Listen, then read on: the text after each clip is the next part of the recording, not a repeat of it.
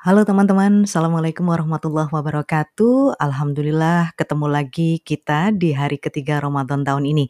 Semoga kita semua selalu sehat dan dalam lindungan Allah Subhanahu wa taala. Apa yang ingin aku bagi? Cerita sore hari ini menjelang berbuka puasa adalah tentang pengalamanku vaksin COVID-19 tadi pagi. Dengerin ya.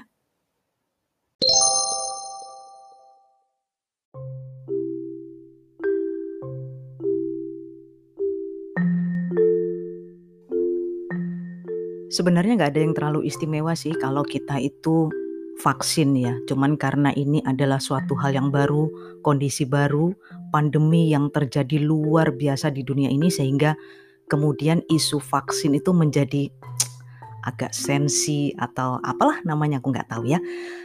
Aku nggak mau bicara soal yang sensi-sensi karena ini masih Ramadan. Um, aku cuma pengen sharing aja pengalamanku vaksin tadi pagi. As you know, teman-teman, aku adalah penderita multiple autoimmune disease. Jadi multiple itu artinya banyak ya. Artinya bukan hanya satu aku menderita autoimun tapi ada dua.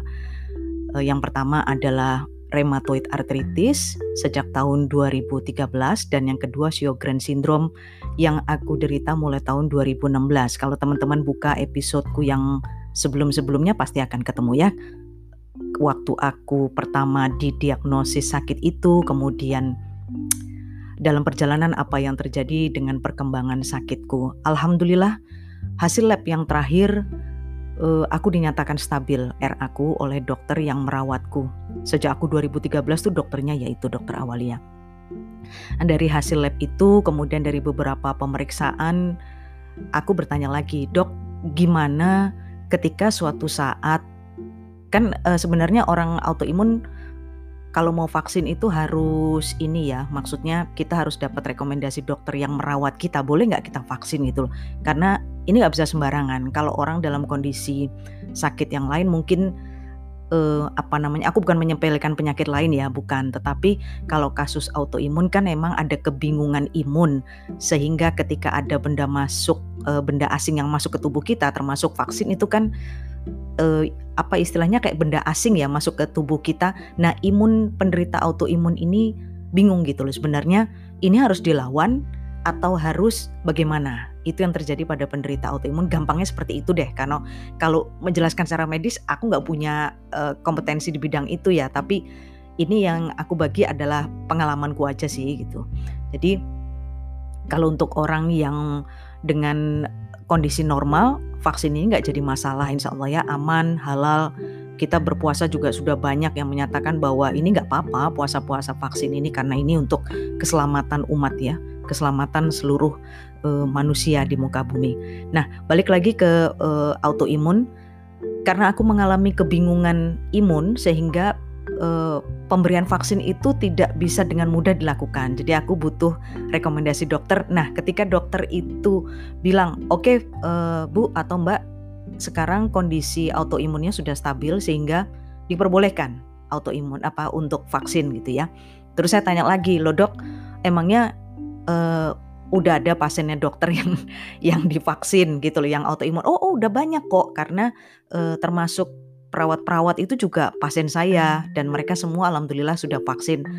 Kemudian dokter memberikan saya istilahnya kayak ya secarik coret-coret gitu ya yang menyatakan bahwa atas nama ibu ini sudah boleh vaksin eh, dan kondisi rheumatoid arthritisnya dalam kondisi stabil atau autoimunnya dalam kondisi stabil. Nah, berbekal surat itu setelah dua kali aku dijadwalkan vaksin itu nggak berhasil, bukan karena nggak berhasil nggak bisa masuk vaksinnya bukan, tapi karena memang aku belum mendapatkan rekomendasi dari dokter. Ya mungkin dokter kan melihat juga toh kondisiku kayak apa gitu loh. Alhamdulillah kemarin hasil lab uh, terakhir aku dinyatakan uh, sudah stabil sehingga pemberian vaksin ini bisa dilakukan. Nah berbekal surat itu akhirnya aku ngajukan dan akhirnya dapat jadwal deh aku hari ini tanggal 15 April 2021 untuk pemberian vaksin pertama dari uh, Kementerian BUMN ya. Jadi aku ikut uh, porsinya Kementerian BUMN. Sebelumnya aku udah dapat pemberitahuan gitu bahwa tanggal ini uh, saudara ini akan mendapatkan vaksin pertama jam sekian. Jadi aku dijadwalkan jam 7 pagi pagi hari ini dan aku diminta untuk hadir 30 menit sebelum uh, jam 7. Jadi pagi-pagi aku udah berangkat nih. Uh, ini kan kondisi Ramadan puasa juga ya. Ini juga yang perlu kita perhatikan. Sebenarnya sih nggak apa-apa nggak papanya tuh maksudnya kalau kitanya kuat ya nggak apa-apa vaksin itu. Cuman mengingat nah mengingat efek vaksin itu kan kadang-kadang ada yang sedikit demam kemudian pusing. Ya memang reaksinya macam-macam sih setiap orang. Aku tanya tuh memang beda-beda ada yang nggak terasa apa-apa juga gitu. Nah ini yang dikhawatirkan. Jadi sebenarnya bukan uh, apa orang puasa nggak boleh vaksin bukan. Cuma lebih pada kondisi apa ya fisik yang bersangkutan sih. Jadi jadi aku Bismillah tadi pagi aku berangkat uh, sambil berdoa terus ya Allah mudah-mudahan ini adalah uh, ikhtiar yang yang yang ini satu-satunya ikhtiar yang saat ini bisa saya jalani ya. Karena kita juga dikelilingi virus yang sampai saat saat ini nih belum ada obatnya kita nggak tahu itu barang alus tuh nempel di mana kan kita nggak tahu apa di pundak kita apa di mana kita nggak tahu gitu kalau dia kelihatan kayak nyamuk mungkin bisa kita tepuk ya tapi kan ini nggak kelihatan si virus ini jadi berangkat laku dan 6.30 aku sampai di lokasi eh, apa namanya sentra vaksin uh, Kementerian BUMN. Jadi kalau di Surabaya itu di, dipusatkan di sebuah mall di Surabaya di Grand City. Jadi kita sudah ngumpul tuh di situ. Uh, Alhamdulillah aku lihat memang protokolnya sangat ketat ya. Jadi sebelum kita uh, masuk ke area dulu kita di uh, di apa namanya diwajibkan untuk menggunakan masker medis. Jadi kalau tidak menggunakan masker medis, umpamanya yang scuba, yang ya yang itu itulah, yang yang yang non medis itu pasti nggak nggak bakal divaksin. Jadi sudah difilter dari depan. Nah, oh ya aku lupa. Uh, waktu pemberitahuan itu ada link link yang yang aku terima uh, di SMS yang aku harus isi ya. Jadi link itu harus aku isi semacam form gitu loh. Jadi ya isinya standar sih nama, kemudian kayak kayak apa namanya identitas kita lah, nama, alamat, kemudian nomor telepon yang bisa dihubungi dan nomor telepon aktif ya, bisa menerima SMS. Jadi nanti pemberitahuannya itu bukan by WA tapi by SMS. Terus uh, apakah nomor uh, induk kependudukan atau NIK KTP-nya sudah sesuai? Kemudian kita dari instansi mana, kemudian apakah kita memiliki riwayat penyakit bawaan sebelumnya kayak aku karena aku autoimun, aku tulis di situ uh, bahwa saya menderita autoimun dan surat rekomendasi dokternya memang aku lampirkan di belakang form-form itu. Terus udah diisi semua, form itu kemudian dicetak uh, terus dilampiri juga dengan fotokopi KTP ku sama uh, identitas kartu pegawai ya karena aku berada di bawah Kementerian BUMN makanya kartu BUMN itu aku print kemudian uh, aku lampirkan lah semua berkas itu lengkap. Berangkat ke sana kemudian dari depan sama panitianya udah di apa namanya istilahnya diverifikasi ulang ya. Oh oke okay, nama udah sesuai KTP tidak ada yang salah. Karena uh, pernah ada kejadian temanku itu NIK-nya salah ketik entah itu yang salah itu ketika ngentri atau bagaimana pokoknya salah lah. Sehingga itu akhirnya hal sepele itu bikin ruwet jadi ada selisih satu digit angka gitu. Makanya eh, teman-teman ketika memang kita diikutkan untuk eh, vaksinasi massal bersama itu saranku sih cek dulu apakah nomor NIK terutama itu NIK KTP ya itu sudah benar apa belum. Karena kalau enggak kita udah telanjur masuk nanti ditolak hanya gara-gara satu digit itu beda ya. Tapi biasanya sih dari depan petugasnya nih panitianya sigap juga sih salut aku sama uh, teman-teman yang standby di sana karena dalam kondisi puasa ya kita semua orang segitu banyaknya ngeladenin orang segitu banyaknya itu bukan hal yang mudah gitu. Apalagi karakter manusia kan beda-beda ya. Harus super sabar. Apalagi nih puasa dan dan waktu sebelum masuk ke tempat uh, penyuntikan vaksin itu memang kita diterima itu di tenda itu kalau nggak kuat uh, fisik ya Allah panas serba salah panas kemudian kita dekat kipas angin malah masuk angin gitu ya jadi uh, salut deh sama panitia di sana standby-nya ya. Nah, itu tadi beberapa form harus dilengkapi, kemudian hasil rekam uh, rekomendasi dari dokter itu juga aku lampirkan. Jadi supaya nanti nggak ribet nanya sana sini kenapa gitu. Nah saranku semua berkas itu teman-teman siapin aja di fotokopi kalau bisa lebih ya. Terus jangan lupa bawa pulpen sendiri karena nanti ketika kita diminta menandatangani misalnya misalnya ya atau diminta untuk mengisi suatu apa mungkin ada yang kurang atau form yang kita tulis itu ada kesalahan sehingga kita harus print ulang di sana ada sih printer kalau mau ngeprint ulang tapi kan ribet banget gitu loh dari satu tempat ke tempat lain tuh kalau menurutku tadi ya di di Grand City itu lumayan jauh loh lumayan jauh jadi ya emang kita diarahkan gitu orang kalau yang nggak sabar pasti aduh ini jalan kok muter-muter sih dari sana ke sini aja kan harusnya bisa motong jalur tapi kalau menurutku panitianya tuh sudah sangat tertib sudah sangat bagus deh, best banget. Jadi kita memang diarahkan satu apa ya? eh, jalan kita tuh satu arah. Jadi nggak nggak mungkin kita berpapasan dengan orang lain. Itu kan juga untuk meminimalisir risiko ya tertularnya uh, COVID ini karena virus ini masih di sekitar kita. Nah, jangan sampai ya. Kita nggak tahu mana yang tadi OTG mana yang kita nggak tahu gitu loh karena memang sebelum vaksin tidak dilakukan pemeriksaan uh, apa apakah orang ini reaktif atau tidak nggak tahu gitu ya ya kita harus bisa menjaga diri jadi memang diharuskan pakai masker medis, kemudian semua berkas dilengkapi, pulpen bawa sendiri. Ya, kalau tidak puasa, kalau lagi nggak puasa, sebaiknya kalau saranku bawa minum sendiri. Tapi ya minumnya jangan di depan orang ya, kita menghargai orang yang lagi puasa. Soalnya tadi, sorry sorry, tadi tuh ada yang ya memang tidak kita juga yang muslim juga harus menghargai mereka yang nggak puasa juga sih kalau menurutku ya tapi yang nggak puasa ini yo bu yo tolong dihargai gitu dia minum dengan santai itu botol air minum tuh kelihatan dinginnya gitu terus dia celeguk celeguk celeguk depan gitu. Haus bener ya kelihatannya ibu ini gitu. Tapi ya nggak apa-apa lah udah. Itu semua adalah cobaan kecil saja ujian kecil. Nah itu teman-teman. Jadi semua bawa sendiri. Kalau nggak puasa bawa minum. Eh tapi tadi ada uh, sponsor produk gitu ya di depan pintu masuk. Dia bagi botol air mineral gitu. Jadi kalau yang nggak puasa dipersilakan untuk mengambil air minum itu gratis ya. Uh, kalau saranku sih nahan sedikit lah ya. Kalau yang nggak puasa, misalnya terpaksa banget ini tenggorokan kering misalnya, ya kita makan permen aja deh jadi nggak kelihatan gitu. Ya. Tapi terserah deh, semua aku kembalikan ke kalian ya. Nah, terus yang kedua yang aku pengen cerita adalah e, kalau tadi kan pra vaksin ya, apa yang harus disiapin. Nah sekarang e, proses vaksinnya nih, jadi udah kita udah masuk verifikasi, kemudian di e, mulai persiapan itu aku tadi mulai di uh, ditensi ya. Jadi dicek uh, apa tekanan darah ya. Tekanan darahku tadi biasanya jujur aja aku nggak pernah di atas 100 ya. Biasanya 90 70 aku kecenderunganku rendah dari dulu. Nah ini tadi nggak tahu nih kok 130 70 ya per 70 jadi uh, kelihatannya agak tinggi. Cuman kata uh, suster yang standby di sana ini mungkin terjadi karena kan jalan jauh ya dari depan mall itu uh, saya turun mobil tuh di depan. Kemudian ternyata dari situ udah terlanjur turun depan, ternyata uh, apa namanya pos pemeriksaan awal itu terletak di belakang mall. Jadi itu udah perjalanan lumayan jauh kan. Terus habis itu dari situ kita nunggu di tenda. Ya mungkin ada kondisi yang membuat aku agak letih sih tadi karena jalannya lumayan loh, lumayan dan nah inilah hebatnya uh, orang Indonesia.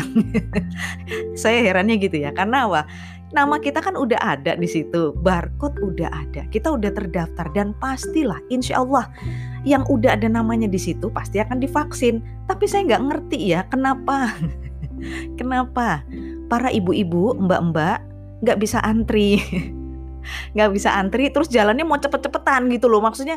Ya Allah ya Rob, saya sampai bilang ibu mau ke mana bu? Mohon maaf, namanya ibu tuh sudah ada di situ, jadi nggak usah khawatir lah ya nggak divaksin, pasti dapat ya Arab maklum deh mungkin dia takut ketinggalan temennya yang satu uh, ojek online gitu jadi takut ntar kalau temennya hilang dia harus halu-halu jadi saya tuh bingungnya gitu loh kalau kalau aku kan jalan ya santai aja ngapain maksudnya kan udah ada nomornya gitu loh udah nama kita udah masuk kecuali ini vaksin dikasih tahu di depan, eh siapa cepet dia dapet gitu ya. Nah itu boleh deh, mungkin lu mau injek-injek gue juga boleh. tapi ini kan masalahnya kita udah terdaftar semua, tapi kenapa ya kok masih menakutkan seperti itu. Ya apa-apa lah, itu cerita lucu dari uh, vaksinasi. Jadi, oh ya tadi udah ditensi, ini ke mana-mana nih ntar ngobrolnya. Udah ditensi, kemudian tekananku, anu terus uh, aku tanya gimana sus, ini uh, wajar nggak? Oh masih normal kok bu, nggak apa-apa. Oke, terus aku bilang dari situ, sus saya autoimun ya. Jadi aku udah bilang dari awal bahwa aku uh, autoimun. Memang di berkasnya tuh ada, tapi ya kita kan harus sama-sama ngingetin ya maksudnya uh, barangkali dia lupa atau dia nggak ngelihat segitu banyaknya manusia mereka juga punya keterbatasan fisik pasti capek. Nah kita harus uh, aktif juga sih ngomong saya autoimun gitu loh. Oh iya ya bu obat yang dikonsumsi apa? Mereka tanya obat yang dikonsumsi apa. Terus aku bilang uh, saya ini ini ini obatnya. Oke bu ditunggu dulu Habis itu udah udah nunggu. Nah, begitu mau masuk, aku bilang sama uh, mbaknya petugas sana, "Mbak, sorry ya, ini laki sama perempuan dicampur." Eh, iya sih, Bu. Nah, loh, terus gimana aku bilang gitu enggak bu nanti saya carikan rombongannya ibu itu sama jadi ruangannya kecil gitu loh yang untuk nyuntik itu ada dua uh, petugas gitu ya kanan kiri uh, jadi yang sekali masuk itu dua nanti saya carikan temannya ibu sama-sama cewek nah gitu bener mbak. Aku bilang gitu. Terus sama dia juga dijaga di depan ketika kita uh, masuk gitu ya. Sehingga nggak ada laki-laki tau-tau nyelonong. Karena itu cuman korden yang diseret gitu tuh loh. Jadi gampang banget tuh ketiup angin dikit tuh kelihatan ber kita lagi suntik. Kita lagi suntik. Lah ya mau ada angin dalam mall nah pas di mau disuntik aku ngomong lagi sama petugasnya. Sorry aku kurang tahu tadi tuh suster atau dokter aku nggak tahu. Cuman aku sampaikan bahwa e, mbak mohon maaf saya adalah e, penderita autoimun. Saya dapat rekomendasi dokter untuk vaksin dengan ini dengan syarat ini. Ya nggak usah saya sebut ya syaratnya. Nanti kalau yang mau tanya boleh voice message ke aku apa tuh syaratnya gitu ya.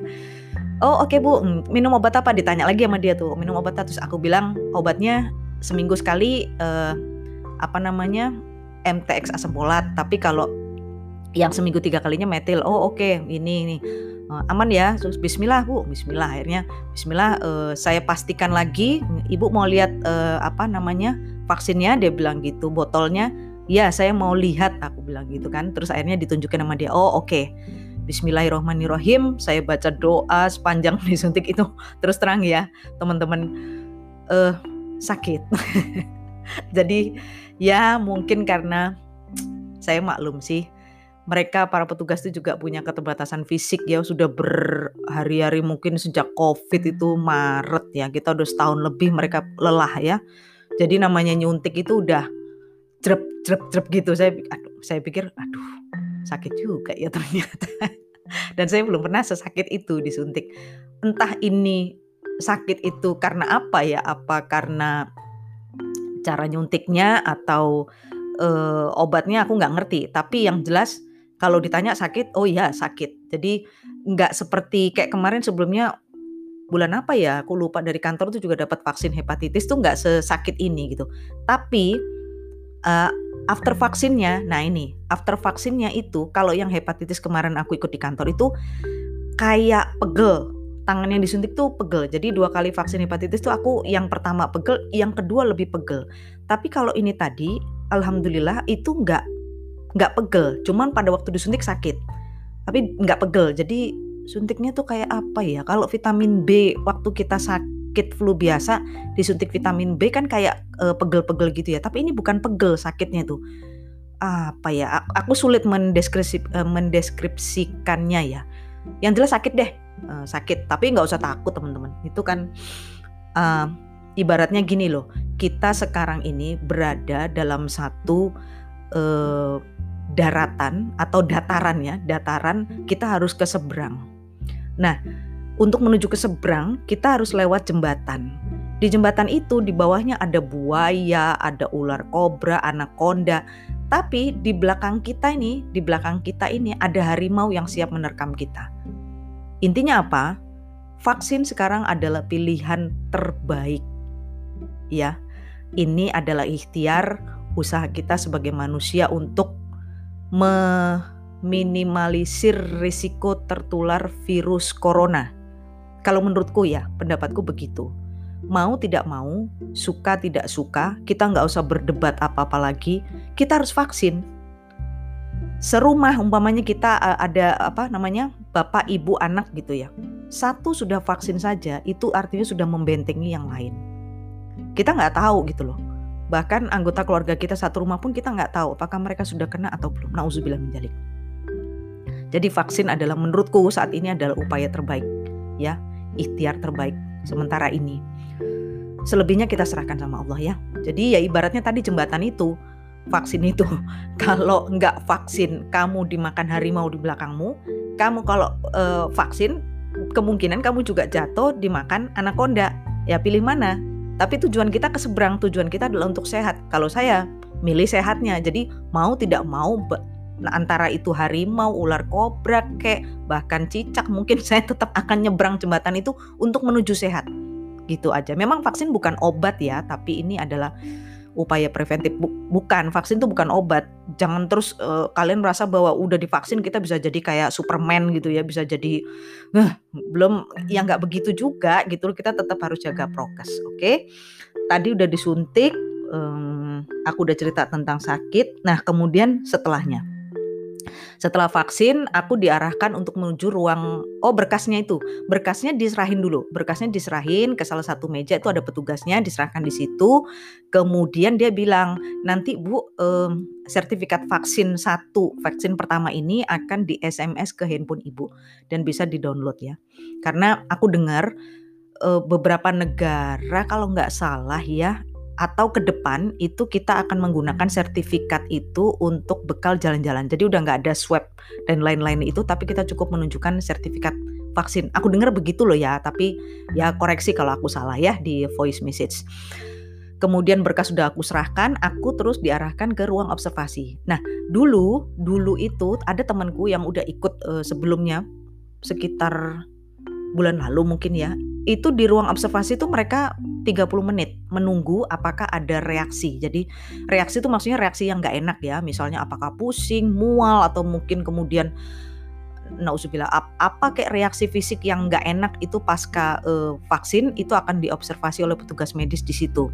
Nah, kalau lebih dari 30 menit nggak ada apa-apa, kita dipersilakan pulang. Tapi kalau tadi aku cuma dipersilakan 10 menit ya. Jadi mungkin mungkin ini juga begini sih kalau menurutku analisisnya gini Semakin lama kita berada di tenda observasi atau di area sentra vaksin itu, semakin besar risiko kita tertular.